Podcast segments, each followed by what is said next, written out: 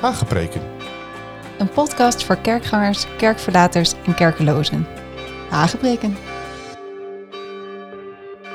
In een onzekere wereld waarin veranderingen elkaar versneld opvolgen en ons samenkomen, zingen en beleven steeds vaker onder druk komt, is een bijbelse koers houden een must en een kompas. Tuurlijk, het is jouw leven, het is jouw schip, maar de beste stuurlui, die hebben een loods. Mijn naam is Benaya en ik vaar graag een handje met je mee. Hey, fijn dat je weer luistert naar Hagepreken. Het is eh 30, 32 graden buiten en jawel, Benaya heeft het in de keel. En dat is geen corona, dat is een koudje. Dat heeft te maken met eh, de koude wind hier aan de dijk eh, op een warm hoofd, maar een kaal hoofd. Goed, genoeg daarover. Ehm, maar dan weet je in ieder geval waar mijn eh, zwoele stem vandaan komt op dit moment. Ehm, we zijn nog steeds in een serie over het verstaan van Gods stem. En ik grijp nog even terug op de vorige aflevering, waarin we keken naar de wanhoop die kan ontstaan in ons leven doordat God niet lijkt te spreken. En dat werd zo mooi vertolkt door Job, die zei in Job 30, vers 20: Ik roep tot u, maar u antwoordt mij niet. Ik sta daar, maar u let niet op mij. En ik heb verhalen verteld uit mijn eigen leven en uit het woord, van hoe God soms niet spreekt, maar ook niet stil is of stil zit. En toch kwam er een vraag naar aanleiding van een vorige aflevering. Benaya, wat als je gebed niet wordt beantwoord? En dat is reëel. Ik bedoel, ik vertelde over een doodstrijd waarin God uiteindelijk ingreep. Maar er zijn ook tal van mensen die hun ziekte of hun doodstrijd of wat dan ook niet overleefden. En wat dan? Waar is God dan? Nu wil ik wel zeggen dat deze serie gaat over het verstaan van de stem. En het is, denk ik, schriftuurlijk lastig hard te maken om een serie neer te zetten die je vertelt hoe wij altijd onze gebeden beantwoord krijgen. Want het feit is, dat is gewoon niet zo. En soms is dat maar goed ook, want ik heb wat gekke dingen gevraagd aan God waarvan ik achteraf denk, ai, gelukkig is dat gebed niet verhoord. Maar soms is dat onverhoorde gebed gewoonweg lastig te accepteren. En voelt het wreed dat God niet sommige van onze oprechte smeekbeden beantwoordt en deze verhoort op een manier die wij zien als gewoon het beste wat er dient te gebeuren. En toch blijft het mijn overtuiging dat God ondanks dat altijd tot ons wil spreken. Hij wil altijd vertroosten en bemoedigen. En de naam van de Heilige Geest is niet voor niks de trooster. Dat is deel van wie hij is. En hij verhoort ook nog steeds heel veel gebeden. Maar niet alle gebeden. En ik heb het denk ik eerder gezegd, predikers die je een stappenplan geven van doe dit, beleid zus, zeg zo, denk op die manier en spreek op die manier, dan krijg je wat je bidt. Die bereiden mensen niet voor op de realiteit. Een realiteit die ook in de Bijbel te vinden is. Namelijk, soms verhoort God niet ons gebed op de manier die wij goed achten. En persoonlijk denk ik wel eens, en ik zeg het in alle voorzichtigheid, dat veel van de predikers die ik gehoord heb, die wel dat soort methodische geloofstappen voorschrijven, misschien moet je zelf nog een keer door de levensschool van raken klappen gaan. Want ehm, op een gegeven moment loop je tegen een muur aan. Soms lopen dingen anders. En daarom zeg ik altijd tegen mensen, neem niet alles aan van een prediker die niet mank loopt. Maar dat terzijde. Wat ik bedoel is dit. Erkennen dat wij soms gewoon niet weten waarom, is eigenlijk erkennen dat wij beperkt zijn en niet gelijk aan God. Eigenlijk precies het punt waarop Job kwam aan het einde van zijn leidersweg. Hij kreeg feitelijk een heads-up van God die zei: Waar was jij toen ik alles creëerde? En weet je hoe alles werkt in de schepping? Maar gelukkig was Job wijs genoeg om zichzelf te verootmoedigen. En we lezen, en ik pak even de groot nieuwsvertaling erbij, in, in Job 42, dat hij erkende van, ik weet dat u alles kunt. Voor u is niets onmogelijk. U vroeg, wie durft er zonder kennis van zaken te spreken? En ik geef toe, ik sprak over zaken waar ik geen verstand van heb. Wonderbaarlijke dingen die ik niet kan begrijpen. En u zei, luister, laat mij aan het woord. En ik zal vragen stellen en jij moet antwoorden. En ik kende u alleen van horen zeggen, maar nu heb ik u met mijn eigen ogen gezien. En daarom herroep ik alles. Ik doe hier boete. In zak en as. Sommige vertalen zeggen, in stop en. En dat is een lastige van ons. Erkennen dat wij niet alles weten. Dat wij niet het volledige plaatje hebben. En dat soms ook niet krijgen, tenzij wij onze ogen richten op God, die het kan laten zien, maar wel als hij ervoor kiest. En zo heb ik in de vorige afleveringen verteld van mijn vriend Peter en over de vele dromen die de Heere God gaf ter voorbereiding op zijn dood. Maar ook van het vertroostende nachtvisioen toen hij eenmaal was overleden.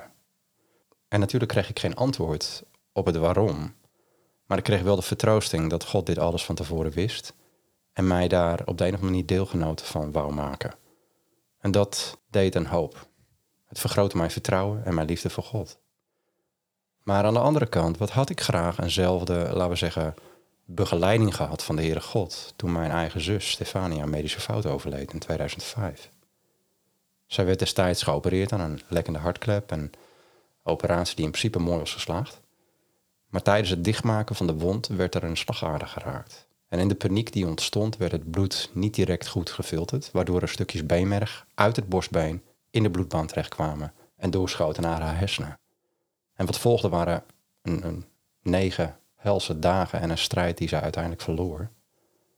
En het is een verschrikkelijke zwarte bladzijde in ons leven geworden als familie, als gezin. Maar wat het nog lastiger maakte was dat de medici in eerste instantie deden alsof dit een spontane, onverwachte complicatie was. Pas na een obductie kwam de waarheid naar boven. Maar zelfs toen werd gesuggereerd dat de vetdeeltjes van 2 mm en groter al in het bloed rondcirculeren. Zomaar. Altijd al. Nou, dan zit je daar tegenover. Uitgestreken gezichten in witte jassen die je verzekeren dat iedereen zijn uiterste best heeft gedaan. En dat het verlies simpelweg, ja, te betreuren is. Maar ja, dat is wat het is. En daar kun je het mee doen. En treuren deden we. Het uitschreeuwen tot God ook. Maar toen was het doodstil. Er was geen vertroosting vanuit Gods kant. Enkel de harde realiteit van het onrecht en de leugens rondom de dood van mijn zus Stefanie. Enkel de kille afwezigheid van mijn lieve zus, die altijd mijn beste vriendin was geweest. En ik, ik kon alleen maar zinloos lijden zien en een ogenschijnlijk vroegtijdige dood. En de hemel leek gewoon van koper. En dus, dat zijn twee situaties. De ene Peter en de andere Stefanie, mijn zus. En voor beide is de waarom-vraag gebleven. Een vraag die ik waarschijnlijk als eerste stel als ik aan de andere kant van de eeuwigheid sta aan het einde van mijn leven. Maar één ding werd mij wel duidelijk: we leven niet meer in het paradijs. De Heer Jezus heeft weliswaar de weg terug voor ons gerealiseerd. Hij is natuurlijk ons leven geworden, hè, zeg maar onze boom des levens. Maar wij zullen zelf als eiken van gerechtigheid worden als we ons vertrouwen stellen op Hem. En niet boeken op ons eigen onderscheid van goed en kwaad, onze eigen gerechtigheid. En tot die tijd leven we in oorlogsgebied. En in oorlogsgebied vallen slachtoffers die niet zouden moeten vallen, die soms op het verkeerde moment, op de verkeerde tijd getroffen worden. Een gebied waar pijn en zwoegen delen van ons bestaan en waar ieder zich van tijd tot tijd kan prikken aan de doorns en de distels die God zei dat deze wereld voort zou brengen.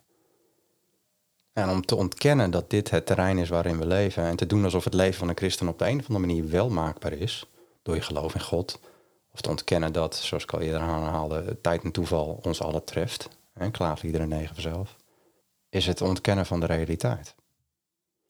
En daarmee wil ik trouwens niet de kracht van ons geloof dat bergen kan verzetten of bovennatuurlijke dingen kan bewerken in ons leven overboord zetten. Ik bedoel, begrijp me niet verkeerd. Ik heb een hoop prachtige bovennatuurlijke dingen meegemaakt en ook geloofsavonturen meegemaakt Ehm, waar geloof echt een factor was voor het verkrijgen van antwoorden. Maar het lijden dat ons allen treft, heeft ook wel degelijk een functie. En dat heb ik gaandeweg wel geleerd. Juist degenen die zwaar beproefd worden door alle rampspoed, vervolging en ziekte in dit leven. En ondanks dat toch hun hoop op uitredding en geloof in Almachtige God vasthouden. Ja, dat zijn de mensen die andere mensen aan het denken zetten die niet in God geloven. Dat slaat namelijk nergens op. Je gelooft toch in een almachtig God. En de wereld is dan geneigd te zeggen met Jobs vrouw, en dat lees je in Job 2 vers 9, heb je nog steeds zoveel ontzag voor God, voor die, voor die God, zegt ze. Vervloek hem voordat je sterft. Maar de kunst is, als mensen die conclusies trekken, hoe kan het nou dat jij je geloof vasthoudt terwijl je zoveel meemaakt? De kunst is om niet hetzelfde antwoord te geven als Job. Een antwoord waarvan hij aan het einde van zijn leven zei, ik wist niet waar ik over sprak. Of aan het einde van zijn leven, aan het einde van het boek Job. En in de eerste hoofdstukken schreef Job God nog niks ongerijms toe. En staat er zo mooi. Maar Job kent wel 42 hoofdstukken. Heel veel mensen zeggen dat ook wel eens tegen mij. Ja, maar Job schreef God niks ongerijms toe. Ja, dat is in hoofdstuk 1. Het duurt niet lang voordat hij God wel van alles verwijt. En aan het einde beseft hij pas dat hij daarin dwaas gesproken heeft. En bekeert zich. Veel mensen verheffen die ene zin uit het eerste hoofdstuk van het boek Job tot een soort vrome daad, die op een bepaalde mate van heilige onschendbaarheid geeft of zo. Eh, in dit alles schreef Job God niets ongerijms toe. En in die zin nemen ze daarbij het referentiekader van Job één op één over. Namelijk, hij zegt, de Heer heeft gegeven, de Heer heeft genomen, de naam van de Heer zij geloofd. Nou, daar is zelfs een heel populair liedje van gemaakt. Ik heb hele kerken uit volle overtuiging horen galmen van You give and take away, you give and take away. And my heart will choose to say, blessed be the name of the Lord. Nou, dat laatste is geweldig. Om vanuit je hart, ondanks alles te blijven danken en de naam van de Heere God te loven en te zegenen. Maar laten we niet vergeten, daar kunnen we wel een liedje van maken, maar het is een momentopname. En ook nog eens een keer een gekleurd beeld. Een beeld wat hij van zijn buren en bekenden overnam. Want we lezen ook dat zij berichten aan hem: het vuur van God daalde neer uit de hemel en ontbrandde tegen de schapen en de knechten en verteerde ze. Ook, ook de mensen die het zagen gebeuren, al die rampspoed over Jobs leven en Jobs bezittingen en Jobs familie, die konden maar één conclusie trekken. God had het geoordeeld. God, God was de bron. Maar laten we niet vergeten dat voordat alle ellende begon, God degene was die aan het opscheppen was over Job. Hoe oprecht hij was, wijkend van het kwaad vroom. En God was dus trots op Job. Het was Satan die Jobs hartsmotief in twijfel trok. En dat is een boeiende. En we zien dus ook in dat eerste hoofdstuk van Job dat omdat niemand ons kan roven uit de hand van God, en dat weten we uit Johannes 10, staat Satan eigenlijk buiten spel. En daarom zei de Heer tegen Satan: Zie alles wat hij heeft, is in uw hand. Alleen naar hemzelf mag u uw hand niet uitsteken. Satan had dat nooit kunnen doen als God niet zei: Oké, ga je gang. En dat is een lastige. Want waarom doet God dat? Waarom beschermt hij ons niet tegen Satan? Want wat er gebeurt is duidelijk. Het was Satan die het leven van Job trof. Met roof, met rampspoed en ziekte. In hoofdstuk 1 en hoofdstuk 2.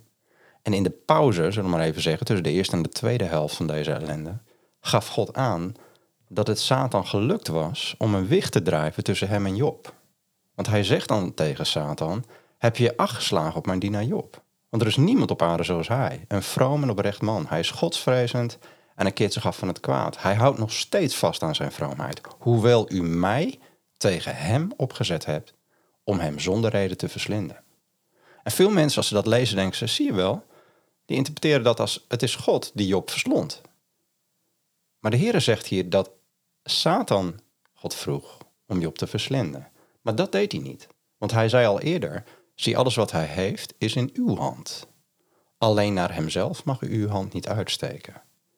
Maar ondanks dat Satan de vrije hand kreeg, letterlijk, blijkt Job vast te houden aan zijn vrees voor God en aan zijn oprechtheid. En de woede van Satan klinkt door als God hem wijst op zijn fala. En dan zegt hij, huid voor huid, alles wat iemand heeft zal hij geven voor zijn leven. Steek uw hand maar eens uit naar hem en tref zijn benen en zijn vlees. Voorwaar, hij zal u in zijn, uw aangezicht vaarwel zeggen. Nou, opnieuw zie je dat Satan probeert de Heere God te bewegen om Job kapot te maken. En Gods reactie is dan niet, prima, nou dat zal ik doen. Ik zal mijn hand tegen hem uitstrekken en ik zal Job ziek maken. Nee, opnieuw zegt de Heer tegen Satan, zie, hij is in uw hand, maar spaar zijn leven. En dat is nogmaals omdat niemand, ook Satan niet, ons uit de hand van God kan rukken en ons iets aan kan doen. En daarom lezen we daarna, toen ging de Satan weg van het aangezicht van de Heer en hij trof Job met vreselijke zweren van zijn voedsel af tot aan zijn schedel. Dat is merkwaardig. Opnieuw zie je dat God Satan bijna carte blanche geeft. Bijna. En opnieuw concludeert Job dat alle ellende door God is veroorzaakt. En hij zegt daarom tegen zijn vrouw, die al klaar was met God, wat we net lazen: Zouden wij het goede van God wel ontvangen en zouden we het kwade niet ontvangen? En in dit alles zondigde Job met zijn lippen niet. Nou, opvallend zijn hier twee dingen. Van Job wordt verteld dat hij in dit alles niet zondigde. En persoonlijk vind ik dat heel bemoedigend, want hoe persoonlijk lijden ook voelt, hoezeer wij ook genoeg redenen vinden om onze ellende aan God zelf, dan wel zijn, nou laten we zeggen, zijn gedoogbeleid toe te schrijven, dat wordt ons kennelijk andersom ook niet aangerekend als zonde. God begrijpt dat. En het tweede is dat Satan verdwijnt hierna stilletjes van het toneel.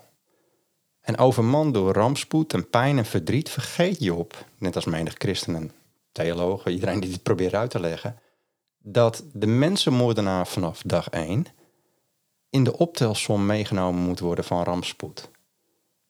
En dat is ook typerend. Want ook wij zijn geneigd denken dat omdat God de oplossing kan geven, Hij ook degene is die onwelwillend is en Hij zijn bevrijdende hand terughoudt. En als we dan nog verder gaan en we vergeten helemaal dat we een tegenstander hebben, dan vergeten we ook dat Hij niet degene is die dit veroorzaakt. Maar Satan is niet veranderd door de eeuwen heen. Ook niet in het Nieuwe Testament. Want daar lezen we ook dat Jezus zegt tegen Petrus in Lucas 22, vers 31. Simon, Simon, dat is de andere naam van Petrus. De Satan heeft u allen opgeëist om te ziften als tarwe. U allen. Maar ik heb voor u gebeden dat uw geloof niet ophoudt. En u, als u eens tot inkeer gekomen bent, versterk dan uw broeders. Oftewel, ook nu nog, in het nieuwe verbond, probeert Satan nog steeds hetzelfde. De gelovigen aanklagen bij God. Simpelweg omdat hij ervan overtuigd is dat de goedheid van God niet tot bekering leidt, zoals Romeinen 2 vers 4 zegt, maar eerder verdoezelt wat er werkelijk in je hart leeft. En in die zin projecteert hij precies wat er bij hem speelde, bij hemzelf. Want hij leefde in de aanwezigheid van God en hij zag Gods goedheid. En toch werd de ongerechtigheid in hem gevonden, zegt de Bijbel. En nu probeert hij hetzelfde aan te kaarten bij God wat betreft de mens. Hij kan zich simpelweg niet voorstellen dat de mens, die minder van de goedheid waarschijnlijk ziet van God als dat hij zag, hij stond er met zijn neus bovenop, dat de mens zuivere motieven heeft en een hart heeft wat wel naar God uitreikt, wat hem wel trouw wil zijn.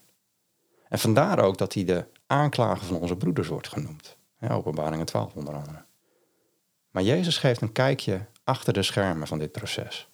Want hij zegt tegen Petrus dat hij voor ons bidt, dat ons geloof niet ophoudt. Kun je het voorstellen? Terwijl wij ons drie keer in de ronde bidden om een uitweg uit onze ellende, bidt de Heer Jezus ook voor ons. Niet per se voor dezelfde doelen, misschien wel, maar dat zegt dit vers niet. Hij bidt vooral dat ons geloof niet ophoudt. En God wil spreken als wij in de ellende zitten van een onbeantwoord gebed. En hij zoekt ook nog eens opnieuw wegen om ons te bemoedigen en te zegenen. Dat weten we ook, want we lezen dat in Job toen hij eenmaal hier doorheen ging en eenmaal tot inkeer kwam van hé, hey, ik, heb, ik heb dingen gezegd, maar ik, ik, wat weet ik eigenlijk van wat God allemaal aan het doen is? We lezen dan dat hij nog 140 jaar leeft. En dat niet alleen zijn aardse bezit verdubbelt, God zegt hem dubbel zoveel, en hij krijgt nog eens zeven zonen en drie dochters na alle rampspoed. En uiteindelijk stierf hij, zo staat er, oud en van het leven verzadigd. Ja, en dat is mooi, denk ik dan altijd. Maar de realiteit is wel, Job kreeg zijn eerste tien kinderen, want hij had eerst ook zeven zonen en drie dochters, kreeg hij niet terug. En dat verlies, die amputatie, zou ik haast willen zeggen, moest hij wel mee verder leven. Want dat is het vaak, als je iets verliest of als je iemand verliest, dat voelt als een amputatie. Mensen zeggen wel, tijd heelt alle wonden. Nou, dit is geen wond. Je moet het zonder iets doen wat je eerst wel had. En soms bij slecht weer voel je dat. Heb ik ook wel eens gehoord. En ik kan, ik kan, daar, ik kan erin komen. En zo kan het ook zijn met ons. Wij kunnen dingen meemaken die we niet kunnen rijmen met de goedheid of de mogelijke plannen van God. We snappen soms niet waarom God iets toestaat. Maar ook wij zullen moeten accepteren dat wij gesift worden. En dat Satan zal proberen dat te blijven doen. Maar het is wel Satan die het doet, niet God. De mensenmoordenaar vanaf het begin probeert dit te doen. Dat is ook wat Satan betekent, tegenstander of aanklager. Maar wij mogen weten, wij hebben een advocaat. Wij hebben een hoge priester. En zo mooi staat het in Hebreeën dat wij hebben geen hoge priester die geen medelijden met ons kan hebben, met onze zwakheden ook niet. Maar we hebben één die op alle, op dezelfde wijze is verzocht, maar zonder zonde. En dat is denk ik de kracht die we kunnen halen uit onbeantwoord gebed en uit lijden. Is dat we ons geloof vasthouden in onze hoge priester en Jezus Christus. Wetende, een slaaf staat niet boven zijn meester, zoals Jezus zei. Wij zullen ook verzocht worden. Wij zullen ook aanslagen krijgen op ons leven, net als Jezus.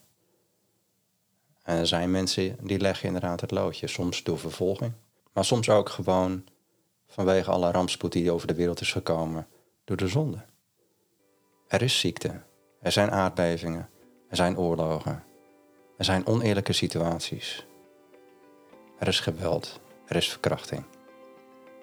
Het is vreselijk. En wij snappen soms niet waarom God stil is. Maar weet één ding. God zit niet stil. En God bidt met ons mee. Hij bidt dat we ons geloof vasthouden. Ondanks het ruige klimaat waar we in zitten. Omdat hij weet, uiteindelijk komen we bij hem. Uiteindelijk is dit leven tijdelijk. En er komt een nieuw leven. Hij maakt alle dingen nieuw. En hij zal alle tranen afwissen van ons gezicht. Ten diepste is het een kwestie van geloof. En dat is het mooie van de Bijbel. Het woordje geloof, in het Grieks is het woordje pistis, betekent ook vertrouwen. En soms als je zegt, ik, ik kan het gewoon niet geloven of ik heb er geen geloof voor. Misschien moet je het anders, anders verwoorden. Vertrouw je. Vertrouw je God dat Hij het beste met je voor heeft. En vertrouw je God dat Hij uiteindelijk dingen recht zal zetten. Voor jou, soms in dit leven, soms in na dit leven. En dat is een lastige. Daarmee heb ik mijn zus niet teruggekregen. Tal van dingen in mijn leven, mijn gezondheid en dat van mijn vrouw, heb ik niet mee teruggekregen. Maar we geloven wel. We staan ook in geloof voor meer. Maar zelfs indien niet, zelfs indien we het niet krijgen, dan nog vertrouwen dat God het laatste woord heeft. En dat hij blijft spreken. Nou, zomaar wat gedachten die ik weer bij je drop. Naar aanleiding van het thema Verstaan van Gods stem. Wel heel reëel, denk ik. Ik hoop dat het je bemoedigt en versterkt. En ook, ook ik bid dat jij je geloof vasthoudt. Dus blijf luisteren naar zijn stem. Blijf koers houden. En de volgende keer navigeren we weer verder.